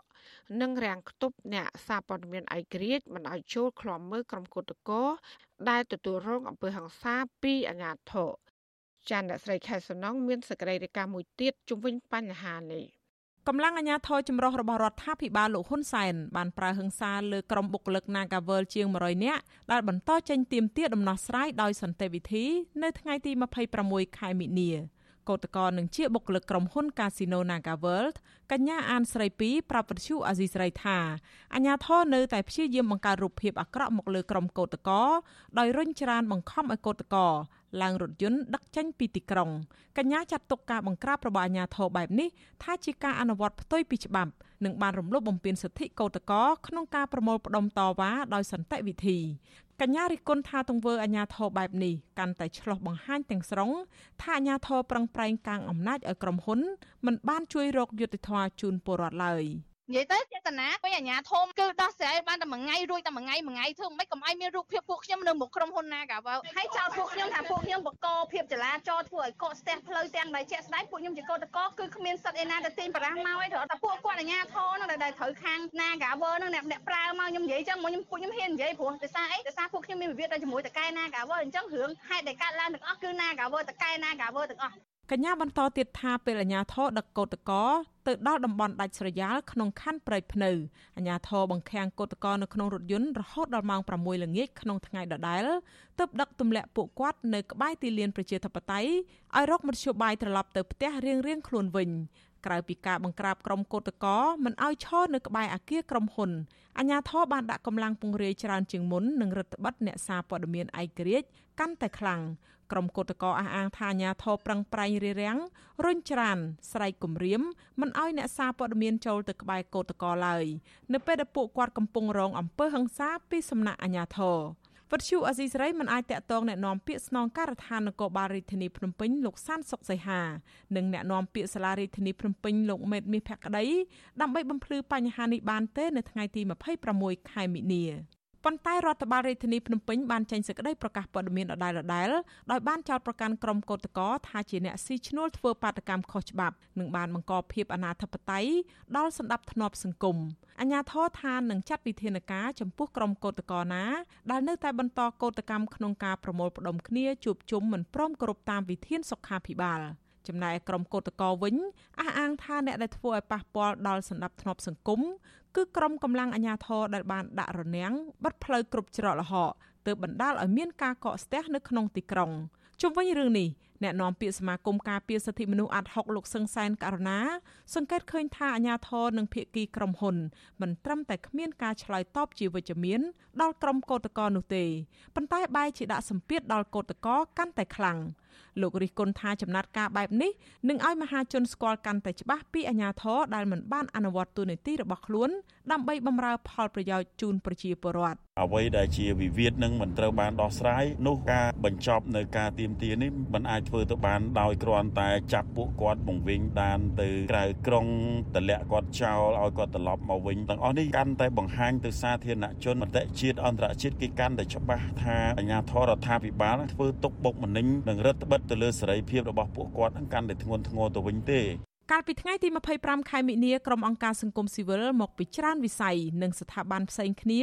រួមទាំងសហគមន៍មូលដ្ឋានស្ទើរគ្រប់ខេត្តសរុប73ស្ថាប័ននិងសហគមន៍បានចេញសេចក្តីថ្លែងការណ៍រួមគ្នាមួយដោយថ្កោលទោសទង្វើរំលោភបំពានរបស់អាជ្ញាធរដែលបានប្រើអំពើហិង្សាបំផិតបំភ័យនិងបៀតបៀនកេរ្តិ៍ខ្មាស់លើក្រុមកោតក្រដែលភ ieck ច្រើនជាស្ត្រី។ ពួកគេទទូចដល់រដ្ឋាភិបាលលោកហ៊ុនសែនឲ្យបញ្ឈប់ការប្រើអំពើហិង្សាលើក្រុមកោតក្រនិងត្រូវជំរុញឲ្យភាគីក្រុមហ៊ុនដោះស្រាយវិវាទការងារនេះដោយស្មោះត្រង់ស្របតាមច្បាប់ស្តីពីការងារ ក្រុមកោតក្រអះអាងថាពួកគាត់នឹងបន្តចេញធ្វើកោតកម្មដោយសន្តិវិធីរហូតដល់មានដំណោះស្រាយពីថៅកែ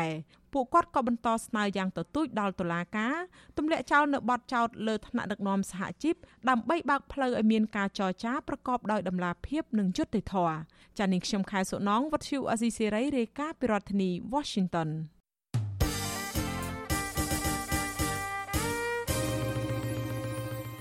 ចាលោកនាងជាទីមេត្រីអង្គការសុខភាពពិភពលោក បង្ហាញក្តីបារម្ភថាការបំពុលខ្យល់គឺជាគ្រោះអាសន្នដ៏ធំមួយ សម្រាប់សុខភាពសាធារណៈចាក់ក្តីបារម្ភរបស់អង្គការសុខភាពពិភពលោកនេះគឺធ្វើឡើងក្រោយដែលស្ថិតិបង្ហាញថាក្នុងមួយឆ្នាំមួយឆ្នាំ មានមនុស្សប្រមាណជាង7លាននាក់បានស្លាប់នៅទូទាំងពិភពលោកដោយសារតែការស្រូបយកខ្យល់ដែលមានកម្រិតជាតិពុលខ្ពស់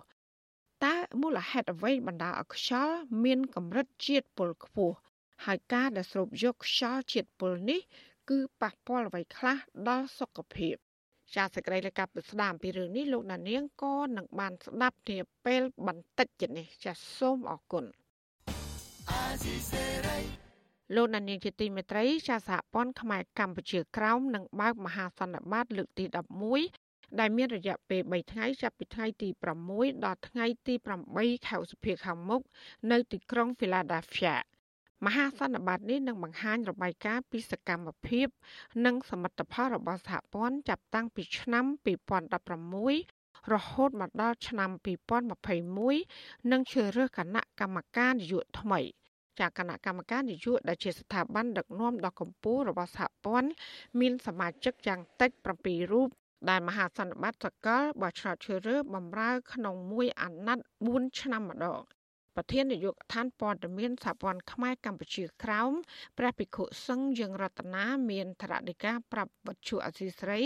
កាលពីថ្ងៃទី26ខែមីនាថាសហព័ន្ធក៏នឹងជជែកពីយុទ្ធសាស្ត្រស្វែងរកសិទ្ធិស្វ័យសម្រេចទៅខ្លួនឯងឲ្យប្រជាប្រដ្ឋខ្មែរក្រោមដែលកំពុងរស់នៅក្រោមការត្រួតត្រារបស់វៀតណាម។ សហព័ន្ធខ្មែរកម្ពុជាក្រមជាអង្គការជាតិតែមួយគត់របស់ខ្មែរកម្ពុជាក្រមដើម្បីទាមទារសិទ្ធិសម្រាប់វាសនាខ្លួនដោយខ្លួនឯងជាពិសេសគឺកំពុងតែធ្វើចលនាអហិង្សាលើឆាកអន្តរជាតិដើម្បីគៀងកទំនាក់ទំនងជាមួយនឹងសហគមន៍អន្តរជាតិនឹងឲ្យបានជ្រាបអំពីស្ថានភាពចំពោះបរតខ្មែរក្រមដែលកំពុងរស់នៅក្រមនៅមហានិគម វៀតណាមសពថ្ងៃរងការធ្វើទុកបុកម្នេញជាពិសេសគឺបំបត្តិសិទ្ធិសេរីភាពនិងការរើសអើងពូជសាសន៍ចំពោះបរតខ្មែរក្រមនឹងអញ្ចឹងសហព័ន្ធខ្មែរកម្ពុជាក្រមនឹងគឺធ្វើការតស៊ូមតិលើឆាកអន្តរជាតិចំពោះទៅយកសិទ្ធិសម្រេចវាសនាខ្លួនដោយខ្លួនឯងក្នុងនាមខ្មែរក្រមជាម្ចាស់ស្រុកជនជាតិដើមនៅដែនដីកម្ពុជាក្រមបាទចាសហព័ន្ធខ្មែរកម្ពុជាក្រោមដែលមានមូលដ្ឋាននៅសហរដ្ឋអាមេរិក គឺជាអង្គការធ្វើចលនាតស៊ូមតិដោយអហិង្សាលើឆាកអន្តរជាតិដើម្បីទាមទារឲ្យរដ្ឋាភិបាលវៀតណាមគោរពសិទ្ធិមនុស្សសិទ្ធិរស់នៅដោយសុវត្ថិភាព សិទ្ធិរក្សាសាសនាវប្បធម៌ទំនៀមទម្លាប់ប្រពៃណីនិងសិទ្ធិសម្រេចវាសនាខ្លួនដល់ខ្លួនឯងរបស់ប្រជារដ្ឋខ្មែរក្រោមដែលជាជនជាតិដើមនៅលើដែនដីកម្ពុជាក្រោម។ ចាសហព័ន្ធខ្មែរកម្ពុជាក្រោមបានបង្កើតឡើងកាលពីថ្ងៃទី4ខែសីហាឆ្នាំ1996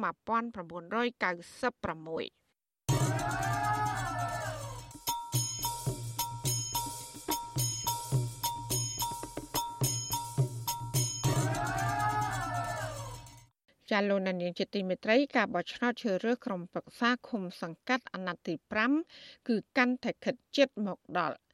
តើនៅក្នុងអំឡុងពេលមួយសប្តាហ៍កន្លងមកនេះមានបញ្ហាអ្វីខ្លះកើតឡើងចាជាបន្តទៅទៀតនេះលោកជាតិចំណាននឹងជម្រាបជូនលោកនាង នៅព្រឹត្តិការណ៍សំខាន់សំខាន់ទាក់ទងនឹងការបោះឆ្នោតជ្រើសរើសក្រុមប្រឹក្សាឃុំសង្កាត់នេះដូចតទៅក្នុងសប្តាហ៍នេះគណៈកម្មាធិការជាតិរៀបចំការបោះឆ្នោតបន្តលុបឈ្មោះរបស់បេក្ខជនឈរឈ្មោះមកពីគណៈបកភ្លឹងទៀនកោជបអះអាងថាការសម្រេចលុបបញ្ជីបេក្ខជនឈរឈ្មោះបោះឆ្នោត របស់គណៈបកភ្លើងទៀនចេញពីសង្កាត់ទួលស្វាយព្រៃមួយខណ្ឌបឹងកេងកងក្នុងរាជធានីភ្នំពេញធ្វើឡើងដោយត្រឹមត្រូវតាមនីតិវិធីអនុប្រធានគណៈបកភ្លើងទៀនលោកថាច់សេដ្ឋាចាត់ទុកការសម្រេចរបស់កោជបលុបបញ្ជីបេក្ខជនរបស់ខ្លួនតាមបណ្ដឹងរបស់មន្ត្រីគណៈបកប្រជាជនកម្ពុជាម្នាក់គឺជារឿងនយោបាយលោកចាត់ទុកថាវាគឺជារឿងអយុត្តិធម៌និងមិនអាចទទួលយកបាននោះឡើយហើយបង្ហាញថាកោជបអនុវត្តមិនត្រឹមត្រូវនិងមិនមានជំហរឯករាជ្យ លោកថាប្រសិនបើកោជបរកឃើញថាបេក្ខជន4រូបមិនបានបំពេញតាមលក្ខខណ្ឌត្រឹមត្រូវមិនត្រូវបដិសេធបញ្ជីបេក្ខជនទាំងមូលនោះទេ ព្រោះបេក្ខជន14នាក់ទៀតពុំមានកំហុសអ្វីឡើយមកពីគណៈបកប្រជាជននឹងមកប្តឹងយើងយកមករំលាយបែបហ្នឹងហ្នឹងគឺវាបង្ហាញពីនយោបាយហ្នឹងវាច្បាស់លាស់ណាបើរឿងកំហុសរបស់អ្នក4នាក់អីហ្នឹងខ្ញុំមិនថាអីទេវាជាកំហុសក៏ប៉ុន្តែអ្វីដែលយើងយកពីបណ្ដឹងតាមបណ្ដឹងរបស់បេក្ខជនគូប្រកួតហ្នឹងយកមកវិនិច្ឆ័យអាហ្នឹងដែលជាចំណុចមួយច្បាស់កលែតអំពីចរិតនយោបាយហ្នឹង ក្រុមប្រឹក្សាជំនុំជម្រះនៃកោជបបានចេញសេចក្តីសម្រេចស្ថាពរបិទផ្លូវតវ៉ាលុបឈ្មោះបេក្ខជនក្រុមប្រឹក្សាគុំសង្កាត់របស់គណៈបកភ្លើងទៀនប្រមាណ50នាក់ចេញពីបញ្ជីបេក្ខជនដំបូងរបស់បកកោជបអះអាងថាបេក្ខជនទាំងនោះភាគច្រើនជាបេក្ខជនដែលគេបំពេញប្រវត្តិរូបជំនួសដោយខ្លួនមិនចេះអាននិងសរសេរអក្សរខ្មែរនិងបេក្ខជនមិនបានចុះឈ្មោះក្នុងបញ្ជីបោះឆ្នោតឃុំសង្កាត់ដែលខ្លួនមានបំណងឈរឈ្មោះជាដើមតាក់ទងទៅនឹងការធ្វើទុកបុកម្នេញលើបកភ្លើងទៀននេះដែរសកម្មជនគណៈបកភ្លើងទៀន ចោទប្រកាន់អាជ្ញាធរមូលដ្ឋាននៅតាមខេត្តមួយចំនួនថាបានគម្រាមកំហែងនិងបំផិតបំភ័យសកម្មជនបកនេះមិនឲ្យឈរឈ្មោះជាបេក្ខជនអង្គការការបោះឆ្នោតក្រុមប្រឹក្សាគុំសង្កាត់នៅពេលខាងមុខ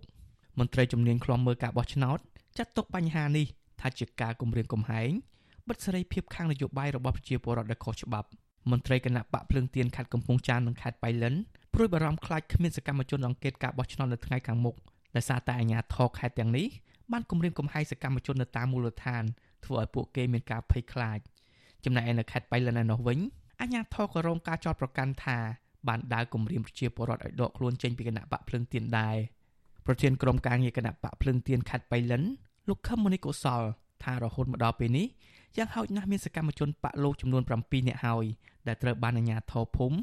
បង្ខំឲ្យដកបេក្ខភាពឈរឈ្មោះអង្កេតការបោះឆ្នោតឃុំសង្កាត់ក្រោមលេសថាពួកគេជាសមាជិកគណៈបកកាន់អំណាច ប៉ុន្តែលោកបញ្ជាក់ថាសកម្មជនទាំងនោះមិនមែនជាសមាជិកគណៈបកកាន់អំណាចដូចជាការលើកឡើងរបស់អាជ្ញាធរនោះទេ ហើយលោកថាពលរដ្ឋទាំងនោះតែងតែគាំទ្រគណៈបកប្រឆាំងលោកថាជាឧទាហរណ៍នៅថ្ងៃទី23ខែមីនាមេភូមិវាចែងឃុំអូអណ្ដូងស្រុកសាឡាក្រៅបានបង្ខំឲ្យអ្នកគាំទ្រគណៈបកភ្លឹងទៀនម្នាក់គឺលោកឈិតត្រេនឲ្យដកឈ្មោះការអង្កេតការបោះឆ្នោតពីគណៈកម្មការរៀបចំការបោះឆ្នោតឃុំកាលពីពេលថ្មីៗនេះលោកនាយករដ្ឋមន្ត្រីហ៊ុនសែន បានបញ្ជាដល់អាជ្ញាធរគ្រប់លំដាប់ថ្នាក់ឲ្យបង្កការងាយស្រួលដល់គណៈបកនយោបាយដែលបានចុះបញ្ជីនៅក្រសួងមហាផ្ទៃទាំងអស់អាចជួបជុំធ្វើសកម្មភាពនយោបាយដោយស្មើភាពគ្នាចំពោះការចូលរួមរបស់គណៈបកនយោបាយវិញស្ថាបនិកគណៈបកបេះដូងជាតិលោកសៀមផ្លុកបានអំពាវនាវដល់ស្ថាបនិកនិងសមាជិកគណៈបកនេះឲ្យចូលរួមសកម្មភាពនយោបាយជាមួយនឹងគណៈបកភ្លើងទៀនក្រោយដែលគណៈបកនេះត្រូវក្រសួងមហាផ្ទៃបដិសេធការសុំចុះបញ្ជីនិងត្រូវលុបចោលពីបញ្ជីគណៈបកនយោបាយ លោកសៀមភ្លុកបញ្ជាក់ថាដោយសារតែការសម្រេចរបស់ក្រសួងមហាផ្ទៃបានធ្វើឲ្យគណៈបកលោកមិនអាចធ្វើសកម្មភាពនយោបាយចូលរួមប្រកួតប្រជែងតាមឆន្ទៈហេតុនេះលោកក៏សម្រេចគាំទ្រជំហរនិងសកម្មភាពនយោបាយរបស់គណៈបកភ្លើងទៀនវិញលោកសៀមភ្លុកបន្តថាជំហរនិងសកម្មភាពរបស់គណៈបកភ្លើងទៀនស្របទៅនឹងជំហរនិងគោលនយោបាយនៃគណៈបកបេដងជាតិក្រសួងមហាផ្ទៃសម្រាប់មិនចុះបញ្ជីឲ្យគណៈបកបេដងជាតិ ក្រោមហេតុផលមានកំហុសពាក់ព័ន្ធនឹងស្នាមមេដៃអ្នកគ្រប់គ្រងគណៈបកដូចជាស្នាមមេដៃបុគ្គលមួយចំនួនខុសពីស្នាមមេដៃក្នុងអត្តសញ្ញាណប័ណ្ណការសង្ស័យពីការក្លែងស្នាមមេដៃនិងស្នាមមេដៃខូចគុណភាពមិនអាចធ្វើកសោវិច័យបានជាដើមលើពីនេះក្រសួងមហាផ្ទៃក៏បានចោទថាលក្ខន្តិកៈរបស់គណៈបកផ្ទុយនឹងច្បាប់ស្តីពីគណៈបកនយោបាយចំពោះការបោះឆ្នោតជាតិឆ្នាំ2023វិញកាលពីថ្ងៃទី25ខែមីនាលោកនាយករដ្ឋមន្ត្រីហ៊ុនសែនប្រកាសថា លោកនឹងបន្តធ្វើជាបេក្ខជននាយករដ្ឋមន្ត្រីក្នុងការប្រកួតប្រជែងការបោះឆ្នោតជាតិនាឆ្នាំក្រោយនេះដើម្បីរក្សាសន្តិភាពលោកបញ្ជាក់ថាប្រសិនបើមានការផ្លាស់ប្ដូរគឺអាចធ្វើឡើងនៅក្រោយពេលបោះឆ្នោតរួចហើយខ្ញុំបានប្រកាសឲ្យខ្ញុំធ្វើតតែពេលដែលខ្ញុំឈប់ចង់ធ្វើអានោះគឺមានតែចឹងមានតែចឹងព្រោះវាអត់ទិសក្បាលណាទេខ្មោចវាពិបាកពេកណាអារៀបចំចេះរៀបចំឲ្យត្រៀមគឺត្រៀមហើយគេត្រូវតែត្រៀមព្រោះធម្មតាគេត្រៀមមនុស្ស សម្រាប់ការបន្តវេនផ្សេងៗហើយឆ្នាំ2023នេះខ្ញុំនឹងបន្តក្នុងឋានៈជាបេក្ខជននាយករដ្ឋមន្ត្រីនៃការបោះឆ្នោតជាបន្តទៀតក្រុមអ្នកវិភាគថាលោកហ៊ុនសែនប្រាជ្ញានឹងធ្វើជានាយករដ្ឋមន្ត្រីបន្តនៅអាណត្តិក្រោយអាចដោយសារតែលោកមិនទុកចិត្តកូនប្រុសច្បងរបស់លោកគឺលោកហ៊ុនម៉ាណែតពួកគេថាឪពុករបស់លោកហ៊ុនម៉ាណែតកំពុងបង្រៀនឲ្យកូនចេះជិះកង់ប៉ុន្តែលោកហ៊ុនម៉ាណែតមិនទាន់ចេះជិះស្ទាត់នៅឡើយ នៅក្នុងសន្និបាតគណៈកម្មាធិការកណ្ដាលនៃគណៈបកប្រជាជនកម្ពុជា កាលពីថ្ងៃទី24ខែធ្នូឆ្នាំ2021គណៈបកនេះបានជ្រើសតាំងលោកហ៊ុនសែនជាបេក្ខជននាយករដ្ឋមន្ត្រីសម្រាប់ការបោះឆ្នោតជាតិហើយក៏បានបោះឆ្នោតគ្រប់គ្រងលោកហ៊ុនម៉ាណែតជាបេក្ខជននាយករដ្ឋមន្ត្រីសម្រាប់ថ្ងៃអនាគតបន្ទាប់ពីឪពុករបស់លោកដែរបាទតកតនឹងដំណើរការរបស់គណៈកម្មាធិការរៀបចំការបោះឆ្នោតវិញកោះចៅបបានចាប់ឆ្នោតកំណត់លំដាប់លេខរៀងបញ្ជីបេក្ខជនលើសញ្ញាឆ្នោត សម្រាប់ការបោះឆ្នោតជ្រើសរើសក្រុមប្រឹក្សាគុំសង្កាត់អាណត្តិទី5ឆ្នាំ2022បានចំនួន1428ឃុំសង្កាត់ហើយក្នុងចំណោមឃុំសង្កាត់ទាំងអស់គឺចំនួន1652គិតត្រឹមថ្ងៃទី23ខែមីនាកោចបកំពុងតែបន្តនីតិវិធីចាប់លេខរៀងបេក្ខជនគណៈបកនយោបាយទាំង17នេះបន្តទៀតនៅទូទាំង25ខេត្តក្រុងបន្ទាប់ពីរៀបចំនៅខេត្តមួយចំនួនបញ្ចប់ទាំងស្រុងដូចជាខេត្តត្បូងឃ្មុំខេត្តកែបខេត្តស្ទឹងត្រែង និងខេត្តសៀមរាបជាដើមខ្ញុំបាទចិត្តចំណាន Visual Assisray ពីរដ្ឋធានី Washington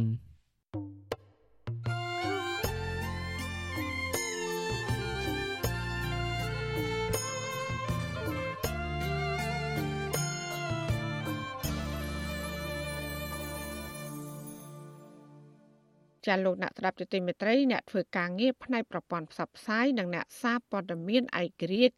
ថាមន្ត្រីរដ្ឋាភិបាលនៅតែប្រកាន់និន្នាការលើអ្នកកាសែតការលើកឡើងនេះក្រោយដែលរដ្ឋមន្ត្រីក្រសួងព័ត៌មានជំរុញទៅមន្ត្រីរាជការកុំឲ្យយកអ្នកកាសែតធ្វើជាសត្រូវប៉ុន្តែត្រូវចេះសហការផ្ដល់ព័ត៌មានជូនគ្នាទៅវិញទៅមកចាលោកមានរិទ្ធមានសេចក្តីរាយការណ៍ពឹស្ដាជំវិញព័ត៌មាននេះអ្នកធ្វើការងារផ្នែកប្រព័ន្ធផ្សព្វផ្សាយនិងអ្នកសារព័ត៌មានឯករាជ្យលើកឡើងថា អ្នកសារព័ត៌មាននៅតែរងសម្ពាធនយោបាយនិងស្ថិតក្រោមការដាក់គំនាបពីមន្ត្រីរដ្ឋាភិបាលដដែលពួកគេលើកឡើងទៀតថាអ្នកកាសែតដែលចោទសួរសំណួរបែបវិជ្ជមានក៏ទទួលបានការស្វាគមន៍ក៏ប៉ុន្តែបើមានការចោទសួររឿងរ៉ាវបែបស៊ីជម្រៅឬសំណួរបែបប្រសើបនោះនោះពួកគេមិនទទួលបានកិច្ចសហការពីមន្ត្រីរដ្ឋាភិបាលនោះឡើយអ្នកសារព័ត៌មានឯករាជ្យម្នាក់ លោកមិនពៅឲ្យដឹងថាមន្ត្រីរដ្ឋាភិបាលមួយចំនួនមិនទាន់បើកចិត្តទូលាយដើម្បីធ្វើការងារឬផ្ដល់ព័ត៌មានដល់អ្នកសារព័ត៌មាននៅឡើយទេលោកបន្តថាទន្ទឹមគ្នានោះអ្នកកសែតខ្លះក៏ត្រូវមន្ត្រីរដ្ឋាភិបាលប្តឹងព្រោះការបំពេញការងាររបស់ខ្លួនលោកឲ្យដឹងទៀតថាចំពោះករណីរបស់លោកផ្ទាល់ដែលនៅសរសេរព័ត៌មានបែបស៊ើបអង្កេតឬពីភាពខ្វះចន្លោះនៃការអនុវត្តការងាររបស់អាជ្ញាធរ គឺតែងតែត្រូវបានមន្ត្រីទាំងនោះច្រានចោលការរកឃើញរបស់លោកបើកចិត្តក្នុងការលាតត្រដាងអ្វីជាការពិតហើយគាត់បើកចិត្តក្នុងការនិយាយជាមួយអ្នកសារព័ត៌មានណាកាលណាគាត់និយាយភាសាអ្នកសារព័ត៌មានមិនមែនគាត់ប្រាប់អ្នកសារព័ត៌មានទេគឺគាត់ប្រាប់ទៅមហាជនឲ្យដឹងការពិតទៅវិញណាព្រោះកន្លងមកយើងឃើញថានៅមានតិចតួចឡើយអ្នកដែលបើកចិត្តមន្ត្រីដែលគាត់បើកចិត្តនិយាយមួយអ្នកព័ត៌មានណាចំណែកឯនាយកប្រតិបត្តិសម្ព័ន្ធអ្នកសារព័ត៌មានកម្ពុជា ហៅកាត់ថា Cambodia វិញលោកណូវីលោកសង្កេតឃើញថាមន្ត្រីរាជការប្រកាន់បពពួកទៅលើអ្នកសារព័ត៌មានលោកបន្តទៀតថាអ្នកសារព័ត៌មានដែលមាននិន្នាការគ្រប់គ្រងរដ្ឋាភិបាលងាយស្រួលក្នុងការបំពេញការងាររបស់ខ្លួនក៏ប៉ុន្តែសម្រាប់អ្នកសារព័ត៌មានឯករាជ្យវិញពួកគេកំពុងប្រឈមទៅនឹងការរើសអើងនិងមិនទទួលបានកិច្ចសហការពីមន្ត្រីរដ្ឋាភិបាលនោះទេ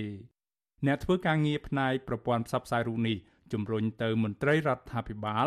ឲ្យសហការផ្ដល់ព័ត៌មានដល់គ្រប់អ្នកសារព័ត៌មានទាំងអស់ដើម្បីផ្ដល់ជាប្រយោជន៍ដល់សង្គមជារួម។ កន្លងមកយើងធ្លាប់តែមានករណីតែម្ដងករណីហ្នឹងគឺមានអ្នកនាំពាក្យនៅតាមស្ថាប័នក្រសួងមួយចំនួនហ្នឹងគឺជ្រើសរើសមិននិយាយតែម្ដងបាទមិននិយាយមិនឆ្លើយតបមិនលើកទូរស័ព្ទរបស់អ្នកសារព័ត៌មានអីចឹងទៅហើយនោះនៅក្នុងតួនាទីជាអ្នកនាំពាក្យទៅទៀតបាទបណ្ណាការមិនជ្រើសរើសមិនឆ្លើយតបមិនលើកទូរស័ព្ទអ្នកសារព័ត៌មានហ្នឹងគឺអ្នកសារព័ត៌មានដែលផ្សាយនៅព័ត៌មានខ្លះដែលមានភាពរសើបទៅដល់រដ្ឋាភិបាលអីចឹងទៅ ការលើកឡើងរបស់អ្នកធ្វើការងារផ្នែកប្រព័ន្ធផ្សព្វផ្សាយនិងអ្នកសារព័ត៌មានឯករាជ្យបែបនេះកើតមានឡើងក្រោយពេលរដ្ឋមន្ត្រីក្រសួងព័ត៌មានលោកខៀវកញ្ញរិទ្ធប្រាប់ទៅមន្ត្រីរាជការកុំឲ្យយកអ្នកកាសែតធ្វើជាសត្រូវនៅពេលដែលមានការសួរនាំពីអ្នកសារព័ត៌មានលោកស្នើទៅអ្នកនាំពាក្យរបស់ស្ថាប័នរដ្ឋនានាត្រូវឆ្លើយតបឲ្យបានទាន់ពេលវេលា នៅក្នុងន័យបន្តផ្សព្វផ្សាយព័ត៌មានឲ្យបានទូលំទូលាយដល់មូលដ្ឋាននិងសាធារណជន លោកបន្តថាដើម្បីឲ្យការផ្សព្វផ្សាយព័ត៌មានមានភាពសុក្រឹតលុះត្រាណាតែមានការផ្ដល់ព័ត៌មានបានច្បាស់លាស់ពីអាជ្ញាធរដែនដីឬអ្នកនាំពាក្យហើយអ្នកព័ត៌មានត្រូវមានប្រភពច្បាស់លាស់និងត្រូវចុះដល់ទីកន្លែងកើតហេតុលោកខៀវកញ្ញរិទ្ធថ្លែងយ៉ាងដូចនេះនៅក្នុងសិក្ខាសាលាមួយស្ដីអំពីការិយាល័យព័ត៌មានឆ្លៀសវៃនិងអភិបាលកិច្ចល្អនៅក្នុងវិស័យព័ត៌មានកាលពីថ្ងៃទី22ខែមីនាកន្លងទៅទោះជាយ៉ាងណាអ្នកសារព័ត៌មានឯករាជ្យ លោកមិនពៅចង់ឃើញរដ្ឋមន្ត្រីក្រសួងព័ត៌មានធ្វើការងាររបស់ខ្លួនឲ្យលើសពីការលើកឡើងបែបនេះដោយអាចជាការបណ្ដោះបណ្ដាលដល់មន្ត្រីពីថ្នាក់លើដល់ថ្នាក់មូលដ្ឋានឲ្យបើកចិត្តនិយាយជាមួយអ្នកសារព័ត៌មាន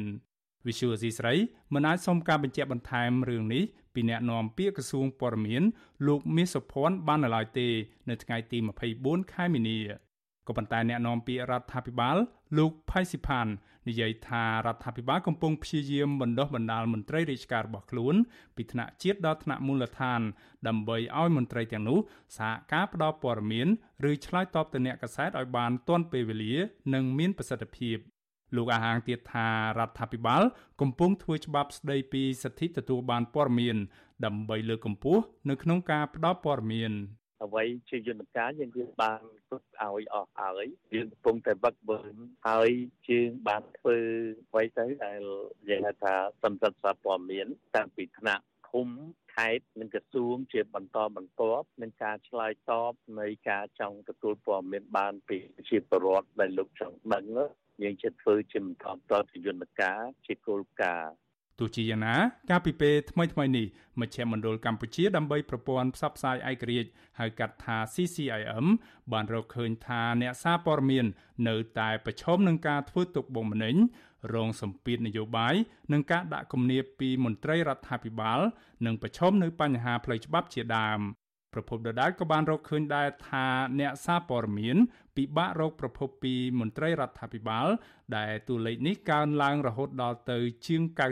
90%ចំពោះចំណាត់ថ្នាក់នៃសេរីភាពសារព័ត៌មានវិញ កម្ពុជា បានជាប់ឈ្មោះជាប្រទេសមានស្ថានភាពអាក្រក់ផ្នែកសេរីភាពសារព័ត៌មានអស់រយៈពេល4ឆ្នាំមកហើយ ក្រោយពីរដ្ឋាភិបាលលោកនាយរដ្ឋមន្ត្រីហ៊ុនសែនបានបើកយុទ្ធនាការកម្ចាត់ស្ថាប័នព័ត៌មានឯករាជ្យធំធំ នៅក្នុងប្រទេសកាលពីចុងឆ្នាំ2017និងចាប់អ្នកសារព័ត៌មានជាច្រើនអ្នកដាក់ពន្ធនាគារដោយខ្វះមូលដ្ឋានច្បាប់ខ្ញុំបាទមេរិត Visual C ស្រីរាយការណ៍ពីរដ្ឋធានី Washington thank you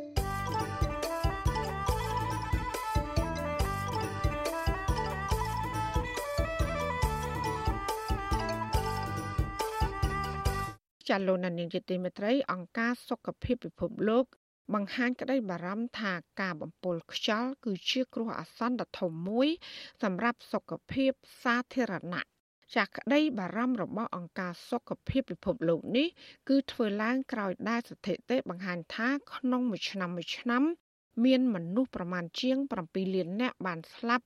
នៅទូទាំងពិភពលោកដោយសារតែការស្រូបយកខ្យល់ដែលមានកម្រិតជាតិពុលខ្ពស់។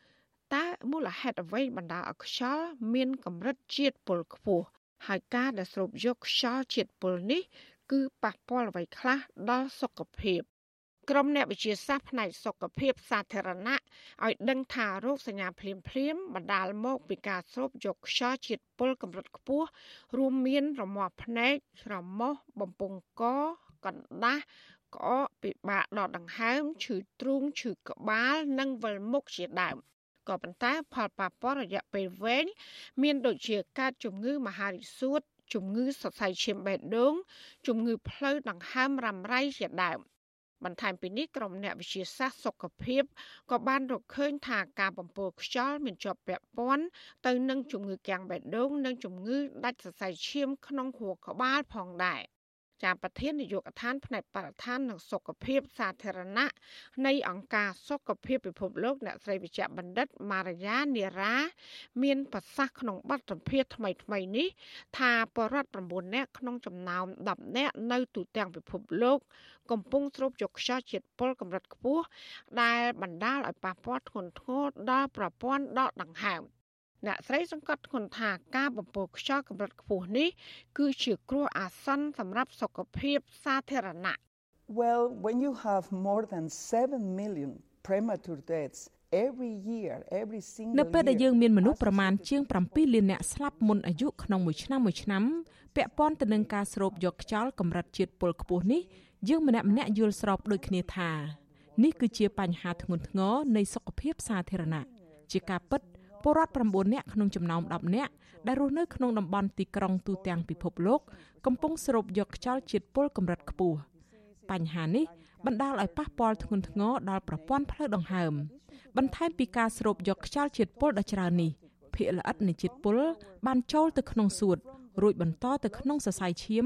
ដែលជាហេតុនាំឲ្យកើតមានជំងឺមហារីកសួត ជំងឺកាំងបេះដូងជំងឺដាច់សរសៃឈាមក្នុងខួរក្បាល និងបញ្ហាប្រព័ន្ធបន្តពូជដូច្នេះការស្រូបយកខ្យល់មានជាតិពុលខ្ពស់គឺជាបញ្ហាដ៏ចម្បងមួយនៃសុខភាពសាធារណៈដែលយើងទាំងអស់គ្នាកំពុងប្រឈមអង្គការសុខភាពពិភពលោកឲ្យដឹងថាប្រទេសក្រីក្រនិងមធ្យមក្នុងពិភពលោក កំពុងប្រឈមនឹងការបំពុលបរិស្ថានកម្រិតខ្ពស់ តនន័យអង្គការសុខភាពពិភពលោកបង្ហាញថា90%នៃប្រដ្ឋក្នុងបណ្ដាប្រទេសទាំងនោះ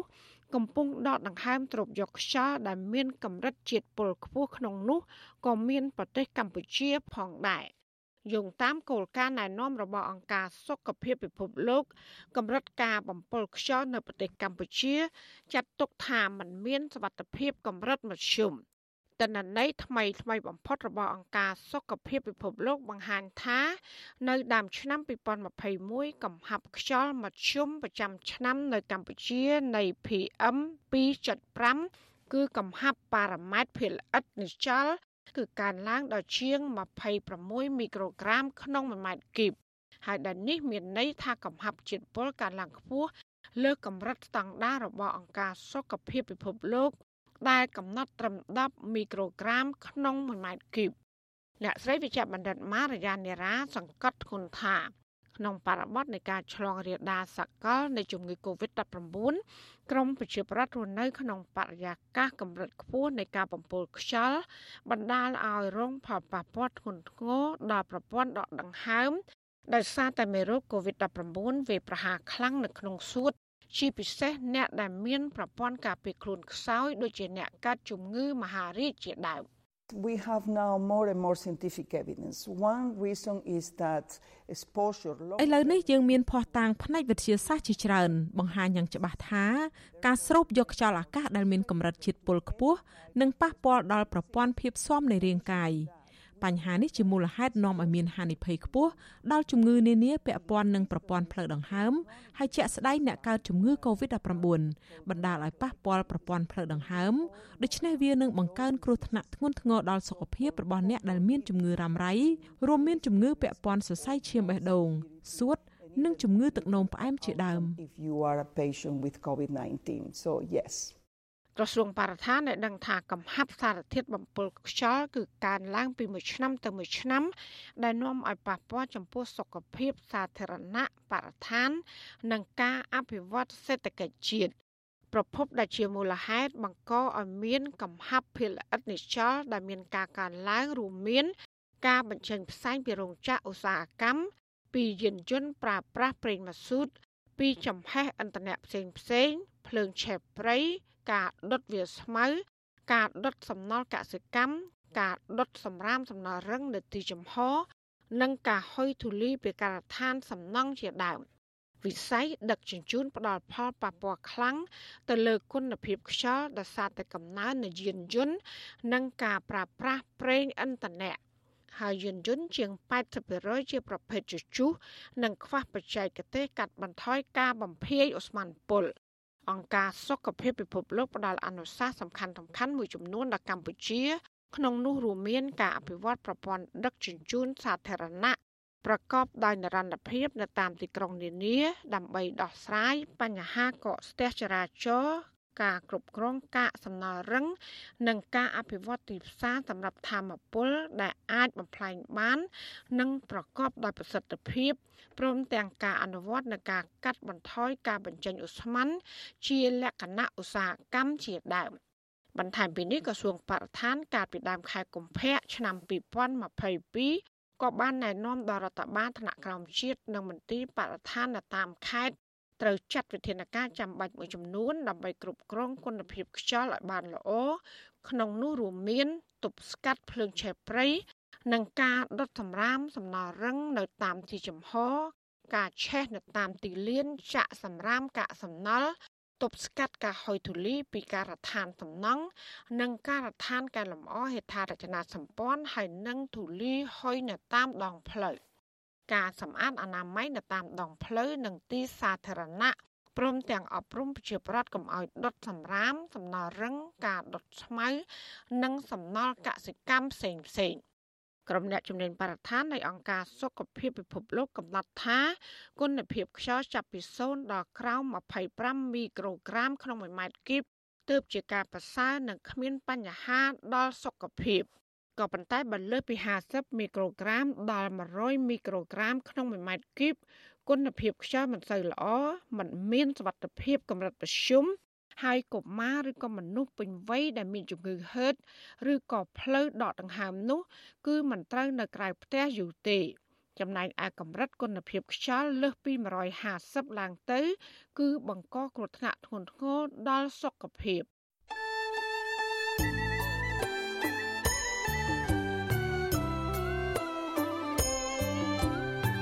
ចាលោកនាងកញ្ញាអ្នកស្ដាប់ជទីមេត្រីកັບផ្សាយរយៈពេល1ម៉ោងនៃវិទ្យុអាស៊ីស្រីជាភាសាខ្មែរនៅពេលនេះចាប់តែប៉ុណ្ណេះចាយើងខ្ញុំទាំងអស់គ្នាសូមជូនពរលោកលានាងព្រមទាំងក្រុមគូសាទាំងអស់សូមជួបប្រកបតែនឹងសេចក្តីសុខសេចក្តីចម្រើន ជានិរន្តរ៍ចានាងខ្ញុំម៉ៃសុធានីព្រមទាំងក្រុមការងារទាំងអស់នៃវិទ្យុអសីស្រីសូមអរគុណនិងសូមជម្រាបលា